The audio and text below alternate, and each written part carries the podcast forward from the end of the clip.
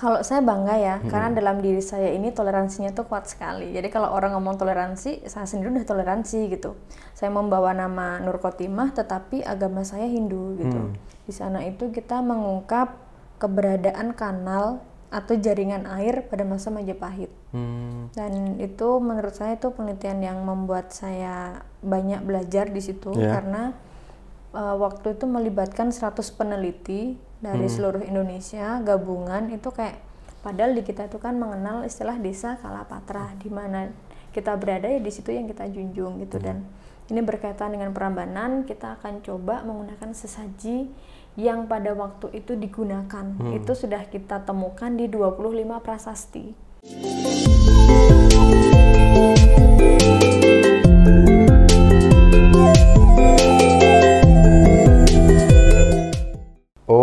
Swastiastu, Salam Rahayu, pemirsa Hindu Channel. Pada hari ini Hindu Channel telah berhasil mengundang generasi muda Hindu yang cerdas, cantik, dan berwibawa. Siapakah dia? Langsung saja kita sapa di studio Hindu Channel. Om Swastiastu, Mbak. Om Swastiastu. Mbak, siapa namanya Mbak? Eh, saya nama asli Nur Nama Khotimah. asli Nur Hotima. Yes. Nah, Mbak Nur Hotima, sebelum kita berbincang atau eh, memberikan edukasi kepada masyarakat, ada tebak-tebakan dulu nih Mbak. Biar Apa tuh? eh, tebak-tebakan khusus untuk Mbak yang luar biasa cantiknya. Nah, yang pertama, Mbak Nur Hotima milih Jakarta atau Jogja harus cepat. Jogja. Alasannya? Karena di Jogja ada Candi Prambanan. Wah, luar biasa. Yang kedua, Oke. milih dokter atau milih suami? Dokter. Kenapa? Karena saya akan fokus ke pendidikan dulu baru ke suami. Nah, luar biasa. Yang terakhir, milih dicintai atau mencintai? Dua-duanya. satu harus milih satu, harus milih satu. Eh, dicintai. Dicintai kenapa? Karena kalau kita dicintai itu kita bisa membalas cintanya. Oh, eh, luar Gitu. biasa. Saya mau balas cinta Mbak hari ini. Mbak Nur Hotima, berarti saya bisa bertanya berkaitan dengan keseharian Mbak Nur Hotima agar pemirsa Hindu Channel mengetahui. Tentu saja berkaitan dengan keseharian Mbak Nur Hotima. Nah, di lingkungan Mbak Nur Hotima ini seperti apa sih kok bisa ya berkaitan dengan nama Mbak Nur Hotima ini kan di, eh, kalau berkaca pada Hindu nama Nur Hotima ini loh yang menjadi sorotan gitu ya. Oh, I see. Jadi memang eh, di keluarga saya itu bapak saya itu emang dari Muslim ya. Hmm. Eh, keluarga mama saya itu dari Hindu gitu kan. Jadi eh, si mbah saya dari bapak itu udah bilang nanti kalau eh, cucu saya lahir itu kalau cewek dikasih nama Nur Khotimah gitu. Cuman kan karena eh, kita jadi apa ya toleransi agama di keluarga kita tuh kuat banget. Hmm. Jadi kalau saya menggunakan nama Islam nanti agama saya Hindu, kalau saya menggunakan nama Hindu nanti agama saya Islam gitu. Jadi memang sudah ada toleransi seperti itu sih. Hmm. Berarti Mbak Nur Hotima pernah melakukan hal yang memang berkaitan dengan kedua eh, keyakinan tersebut, mungkin sholat atau mungkin ya mungkin hal-hal yang berkaitan dengan dua kedua dua keyakinan ini. Enggak. Jadi memang dari kecil saya Hindu. Saya Hindu, eh, Mbak Nur Hotima Hindu. Ada hal yang menarik di keluarga mungkin yang pernah dialami Mbak Nur Hotima. Kalau hal menarik apa ya? Kalau dari kecil itu memang memang saya lahir dari Hindu ya, maksudnya lahir uh, di akte itu emang sudah Hindu gitu kan. Paling uh, setelah ini aja sih sesudah di masa-masa SD gitu kan, kadang ditanyain kamu kenapa sih agamanya Hindu sendiri gitu kan. Terus ya ya nggak apa-apa gitu kan Hindu sendiri di sekolah. Cuman kan di desa saya itu kebetulan kan saya tinggal di desa nih. Di desa Tambakan itu agama Hindunya itu banyak. Hmm. Jadi ya udah dari kecil ya memang sudah familiar dengan Hindu, udah sering ke pura kayak gitu. Mbak Nur Hotimah, kalau berbicara tentang eh, keseharian Mbak Nur Hotimah yang memang eh, dari background keluarga, secara support dari keluarga sampai saat ini itu ya mungkin di sisi lain ada support keluarga, di sisi lain juga ada mungkin pacar gitu kan. Iya Kalau support keluarga sih, mama saya mendukung banget ya, bapak saya juga mendukung banget. Kamu mau, jadi keluarga saya itu tidak ada paksaan, jadi membebaskan. Kamu mau milih agama apa saja terserah. Yang penting itu harus sesuai dengan uh, hatinya gitu. Jadi memang tidak ada paksaan gitu. Kalau hati pacar Kalau hati Mendukung, Mbak. pacar, em, pada saat itu atau sekarang? jadi memang sebelumnya saya memang uh, pacaran dengan uh, non ya, Iya. dengan uh, yang non gitu. Itu itu sempat membuat geger beberapa beberapa senior di Klaten sih. Viral gitu lah ya kan. di Klaten. Iya gitu kan. Terus sampai bilang oh ini anak pasti nanti bakal pindah agama Hmm. nih gitu kan. Terus urusan pindah agama apa enggak itu adalah urusan hati gitu kan. Cuman ya itu karena saya sudah berjanji dengan uh, leluhur, dengan Leluhur. Prambanan bahwa hidup dan mati saya ada di bumi Mataram, hidup dan mati saya ada di Hindu. Jadi apa pun yang menghalangi saya pasti akan saya abaikan. Entah itu pacar saya, kalau misalkan dia "Eh, kamu yang harus ngalah gitu, oh lebih baik eh, kita cukup aja sampai itu sini. pas waktu pacaran Mbak dicintai apa mencintai itu? Eh, dua-duanya, Oh, dua-duanya. dua-duanya. Nah, eh, Mbak Nur Hotima apakah pernah mengalami sebuah kebingungan eh, dalam memilih eh, dalam belajar atau memilih tempat-tempat sekolah apalagi seka Mbak Mbak Nur Hotima lulusan UGM. Ya UGM. Nah, apakah ada kebingungan kok bisa nyampe ke UGM ini gitu? Eh, jadi kenapa saya bisa nyam kuliah di UGM? Jadi sebenarnya gini, ketika kan saya SMK ya, saya SMK jurusan akuntansi. Akuntansi. akuntansi ya kan? Kemudian kuliah di UGM jurusan arkeologi. Itu kan seperti ini ya seperti berlawanan gitu kan? Karena kan akuntansi lebih ke keuangan arkeologi itu lebih ke benda-benda cagar budaya cuma Ya, ketika tapi memang harus itu harusnya ada kaitan, Mbak. Ya, memang kan untuk sih. melestarikan cagar budaya ini butuh keuangan juga kan benar sekali. Akuntansinya. benar benar benar benar. Benar jadi pada waktu itu memang eh, dari keluar dari mama saya itu membebaskan. Kamu mau memilih jurusan apa aja itu terserah. Yang penting kamu eh, yaudah yang penting dari hati kamu gitu Ya. kan. Cuman yang waktu itu agak agak keberatan itu mah dari teman-teman saya gitu kan. Teman-teman di teman-teman di ya di lingkungan gitu kan kenapa kamu milih jurusan arkeo kenapa nggak eh, nggak akuntansi yang itu kamu kuliahnya di stan aja gitu kan karena apa ya saya cinta sama sebenarnya waktu itu saya nggak ngerti ya jurusan ar jadi sebenarnya saya milih jurusan arkeologi itu seperti nggak salah aneh secara nggak sengaja tuh salah ngeklik Hmm. jadi pada waktu itu kan memang sejak kecil kan kita Tawur Agung ya. Iya, Tawur iya, Agung kan di Candi Prambanan. Iya, iya. Jadi sudah familiar yang dengan yang namanya Candi Prambanan gitu Hmm. kan. Nah, ketika mau masuk ke kuliah itu tuh ada mahasiswa UGM Iya. itu datang ke pura saya di Pura Wisnu Sakti itu KSS. Hmm. Jadi kalau KSS itu penyambutan mahasiswa baru UGM gitu Iya. kan, yang mahasiswa Hindu itu datang ke pura saya selama tiga hari dua malam gitu kan. Nah Hmm. secara nggak langsung kedatangan mereka itu merubah pola pikir saya Hmm, hmm. gitu kan. Terus dan pada saat itu mereka ada namanya buku KSS gitu ya. Di situ Iya, kan iya. ada nama panitianya, jurusan gitu kan. Nah ada tuh nama panitia dengan jurusan arkeologi gitu kan. Waktu itu saya mikir jurusan arkeologi kayaknya saya belum pernah Hmm. belum pernah denger dan nggak familiar gitu kan Iya, kalau iya. akuntansi kedokteran teknik-teknik gitu kan kita kita tahu gitu kan Iya. Arkeologi ini apa ya? Gitu kan. Awalnya waktu saya ma- saya mau daftar kuliah itu mau ngekliknya sejarah. Hmm, hmm. nah sejarah sama arkeo itu kan atas bawah tuh. Ya. sebelum ngeklik eh, saya telepon kakaknya yang di buku KSS itu kan kebetulan ada nomor teleponnya. Saya tanya eh, kak ini jurusan arkeologi ini tentang apa? Gitu kan. Dia bilang jurusan arkeologi itu tentang candi. Udah. Kata kuncinya candi karena emang saya udah cinta candi sejak kecil Ya, kan. ya. jadinya yaudah aku langsung klik nggak usah pikir panjang langsung klik jurusan arkeologi gitu Pada saat itu berapa yang mendaftarkan lumayan banyak juga untuk di arkeologinya. Eh, saya kurang tahu ya karena saya mendaftarnya itu melalui jalur bidik misi prestasi. Hmm. Jadi eh, di UGM itu kalau nggak salah waktu itu tahun 2010 bidik misinya itu 500 orang kalau nggak salah. Hmm. J- Karena program bidik misi pada saat saya masuk kuliah itu program baru, Hmm, baru benar-benar baru gitu kan. Gitu. Jadi Nah. harus tungkara. eh UGM. Nah, terus sekarang pendidikan. Apa kalau misalnya diimbangi secara perasaan ya sih gitu kan. Kalau kita udah berbicara perasaan itu kan pasti kita harus punya planning ke depannya seperti apa gitu kan. Kalau posisi sekarang apakah ada plan untuk ke jenjang selanjutnya gitu kan? Mungkin pasangannya sudah sekarang udah lumayan ini nih mapan gitu kan. Guys. Kalau untuk pendidikan jelas kan saya sekarang udah S2 ya. S2. Udah lulus S2, S2-nya di UGM, Hmm. tesis saya ngambil tentang Candi Prambanan. Kemudian ini saya lagi coba mau lanjut S3. Di Eh, S3 rencananya di luar negeri. ngambil pasti tentang ya. apa itu S3? Kalau S3 saya lebih mau ngambilnya tentang tourism management heritage gitu. Hmm. Jadi tentang manajemen eh, pariwisata cagar budaya gitu. Berarti pasangan nanti dulu lah.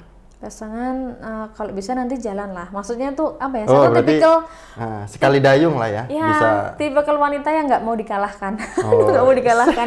Jadi misalnya gini, misalkan nih eh, pasangan saya tuh misalkan S2, eh, saya harus S3 gitu. Oh gitu.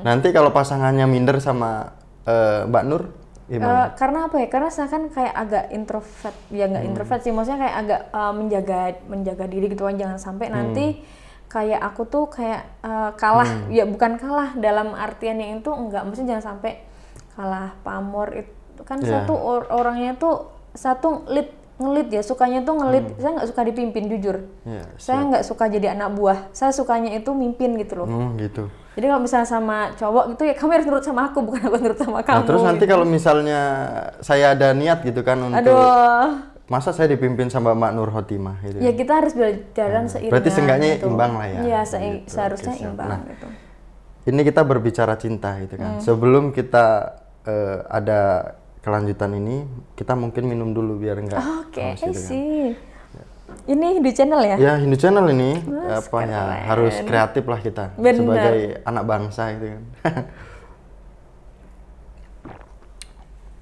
nah, Mbak Nur Hotimah. Kita sudah berbicara tentang cinta. Jadi saya mau bertanya sama Mbak Nur Hotimah yang cantik. Pertanyaannya, apakah di arkeolog itu belajar tentang tulang dan tentang fosil? iya salah satunya Oke, jadi eh, kita boleh tukar eh, tukar tulang? boleh Boleh. Kamu jadi tulang rusukku, aku jadi tulang punggung. Iya.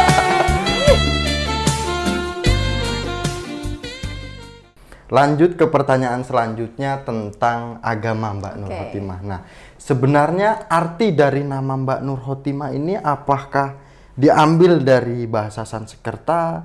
Apakah diambil dari bahasa eh, tentang sastra-sastra atau mungkin karena tadi berbicara tentang keyakinan orang tua. Nah, sebenarnya itu apakah ada makna di dalam agama tersebut nama Mbak Nur Hotimah?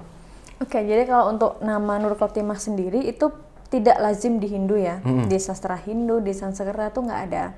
Karena memang nama Nur Khotimah itu ada di bahasa Arab kalau saya nggak salah. Jadi Nur itu cahaya, Khotimah itu terakhir. Jadi seperti eh, cahaya terakhir kayak gitu. Hmm. Itu arti namanya. Memang itu sangat islami banget. Nah, kalau nama Mbak Nur Hotimah itu eh, memang berasal dari bahasa Arab, sebagai pribadi Mbak Mbak Nur Hotimah membawa nama Nur Hotimah ini yang dirasakan dari kecil sampai sekarang ini apa, Mbak? Kalau saya bangga ya, karena dalam diri saya ini toleransinya tuh kuat sekali. Jadi kalau orang ngomong toleransi, saya sendiri udah toleransi gitu. Saya membawa nama Nur Khotimah, tetapi agama saya Hindu gitu. Kan sekarang juga banyak kan nama-nama eh, nama-nama Hindu juga yang menggunakan nama bahasa Arab, Bahasa kemudian nama-nama non Hindu juga menggunakan nama-nama Hindu itu kan juga banyak gitu. Nah, tapi Mbak Nur Hotimah ini memang sudah belajar tentang agama dari dasar nih. Dari mungkin dari kecil bersama orang tua gitu kan. Itu sudah belajar tentang agama sebenarnya dari kecil atau baru belajar di SMP atau SMK gitu. Oh enggak, dari kecil jadi saya memiliki kakak sepupu, kakak sepupu saya itu pada waktu itu dia kuliah di STHD. Jadi STHD itu Sekolah Tinggi Hindu Dharma yang ada di Kabupaten Klaten. Nah kakak sepupu saya itu salah satu mahasiswa di sana, mahasiswa Hindu.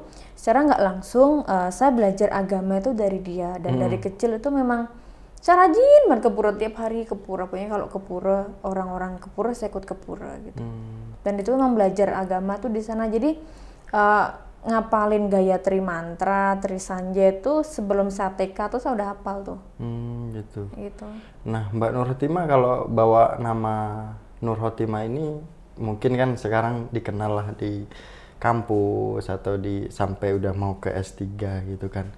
Ada kejadian-kejadian atau bertemu dengan uh, orang besar gitu kok namanya Nur Khotimah gitu pernah nggak? Oh itu sering banget. uh, sering ya. sering banget. Jadi pada waktu saya masuk mahasiswa arkeo uh. itu kan uh, mahasiswa S1 itu kan kita kuliah agama itu kan hmm, dijadiin hmm, satu hmm. ya yang Hindu-Hindu gitu kan.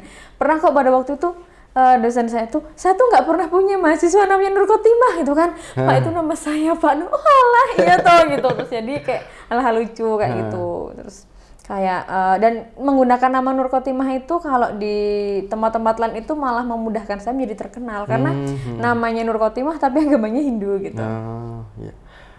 Mbak Nur Khotimah, cinta sudah, agama okay. sudah kita berbicara tentang uh, keseharian Mbak Nur Khotimah. Uh, di arkeolog itu kan Mbak Khotimah melakukan Mbak Nur Khotimah melakukan penelitian Nah, penelitian yang dilakukan ini apa sih sebenarnya di arkeolog yang dilakukan oleh Mbak Nur Hotimah?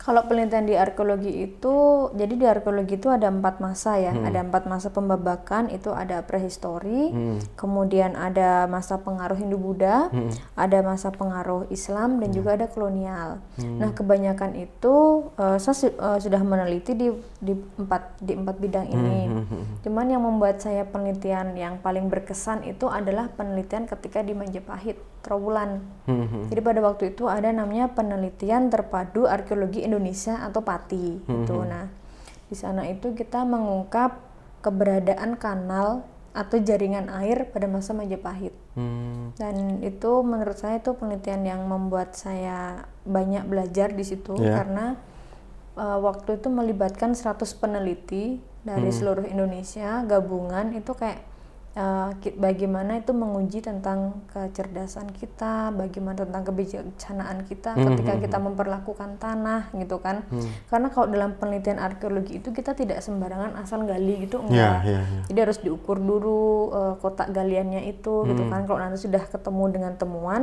bagaimana cara kita memperlakukan temuan itu yeah, yeah, gitu yeah. dan tanah yang hasil dari galian itu pun kita harus diayak dulu kali hmm. saja nanti ada ada manik-manik, ada emasnya, atau ada temuan-temuan kecil lainnya gitu hmm. yang nggak nampak gitu.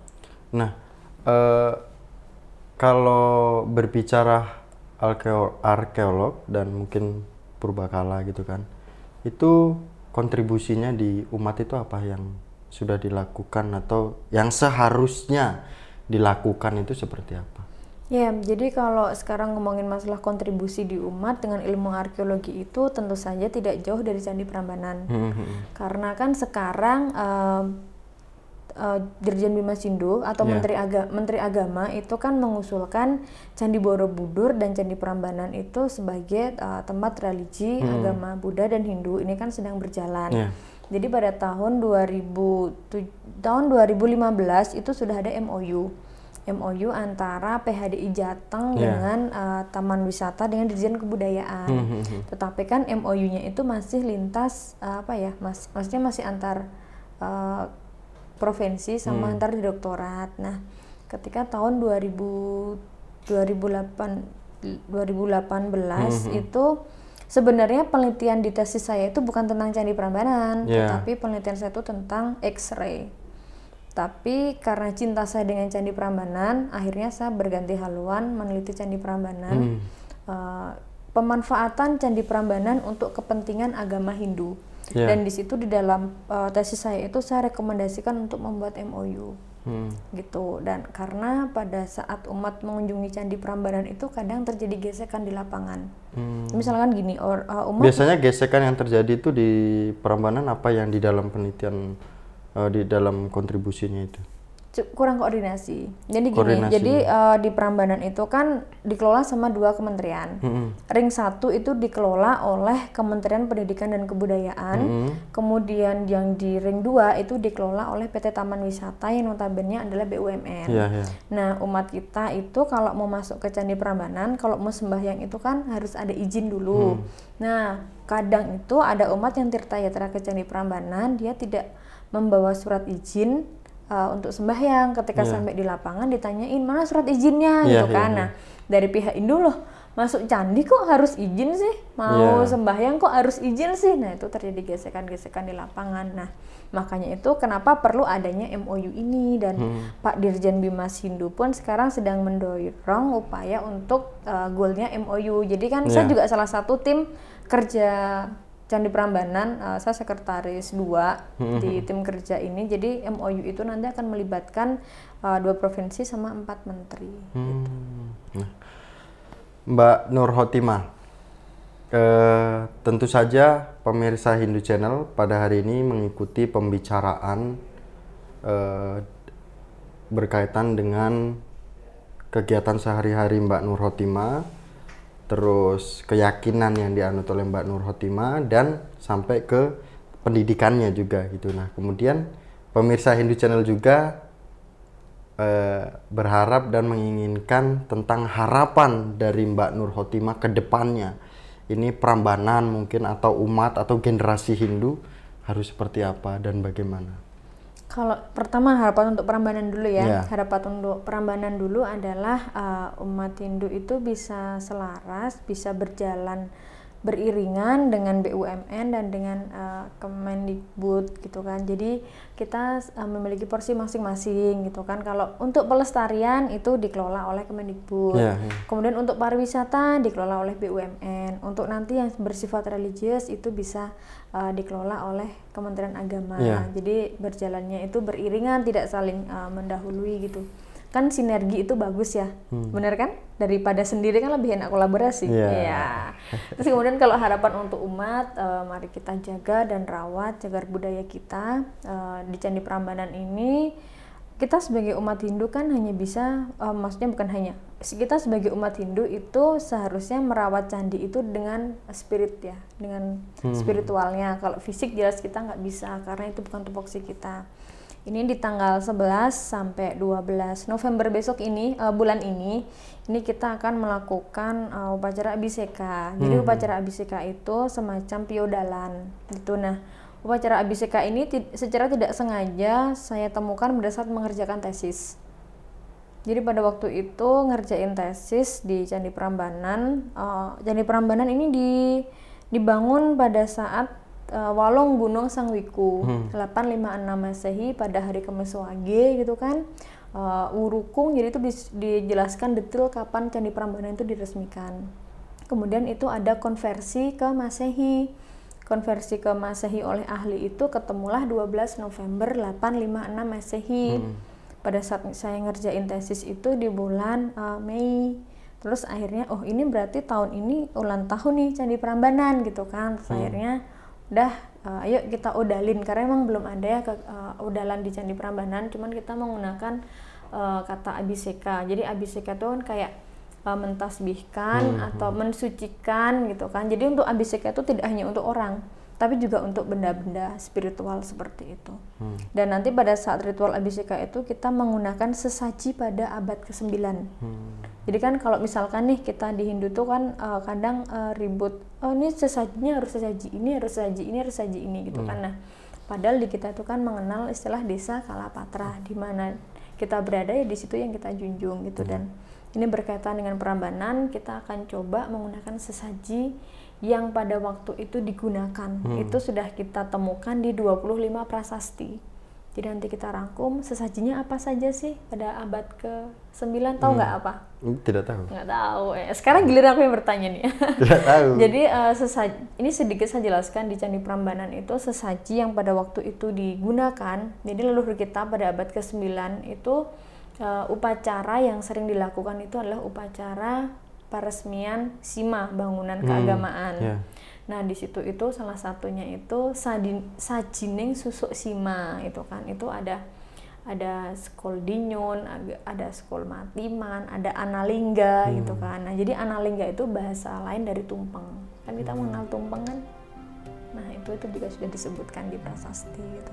Nah, pesan untuk generasi Hindu. Kalau pesan untuk generasi Hindu adalah, ayo teman-teman generasi muda Hindu, kejarlah mimpimu, kejarlah pendidikanmu, jangan pernah takut. Apa pun latar belakang keluarga kamu, apa pun latar belakang orang tua kamu, kamu harus go. Kamu harus tetap go ahead, kamu harus tetap bisa melanjutkan pendidikan kamu. Pendidikan itu penting pendidikan itu tidak untuk kita memintarin seseorang, tetapi pendidikan itu juga berguna untuk keluarga kita, untuk mencerdaskan anak-anak kita. Karena dengan pendidikan anak-anak kita bisa cerdas, orang-orang di sekitar kita juga bisa cerdas. Itu aja sih. Jadi pokoknya terus kalau takut nggak punya biaya, ada banyak sekali beasiswa yang bisa diakses di Kementerian Agama menyediakan beasiswa dan di Kementerian Keuangan ada beasiswa namanya LPDP. Terima kasih Mbak Nur Hotima luar biasa penyampaian pada hari ini bersama Hindu Channel dan pemirsa Hindu Channel Bapak Ibu umat sedharma generasi Hindu. Terima kasih mengikuti selalu Hindu Channel dan pada hari ini perbincangan kita dengan Mbak Nur Hotima terkait tentang cinta, agama, dan purbakala. Luar biasa, dan jangan lupa selalu dukung Hindu Channel, beri, berikan ide-ide kreatif Bapak Ibu Mas Dharma dengan cara komen dan dukung, like, uh, subscribe dan bagikan kepada masyarakat seluas-luasnya. Dan kami tutup bersama dengan Mbak Nur Hotima, pemuda Hindu, generasi Hindu yang luar biasa. Kami tutup dengan para Santi. Om Santi, Santi, Santi, Om.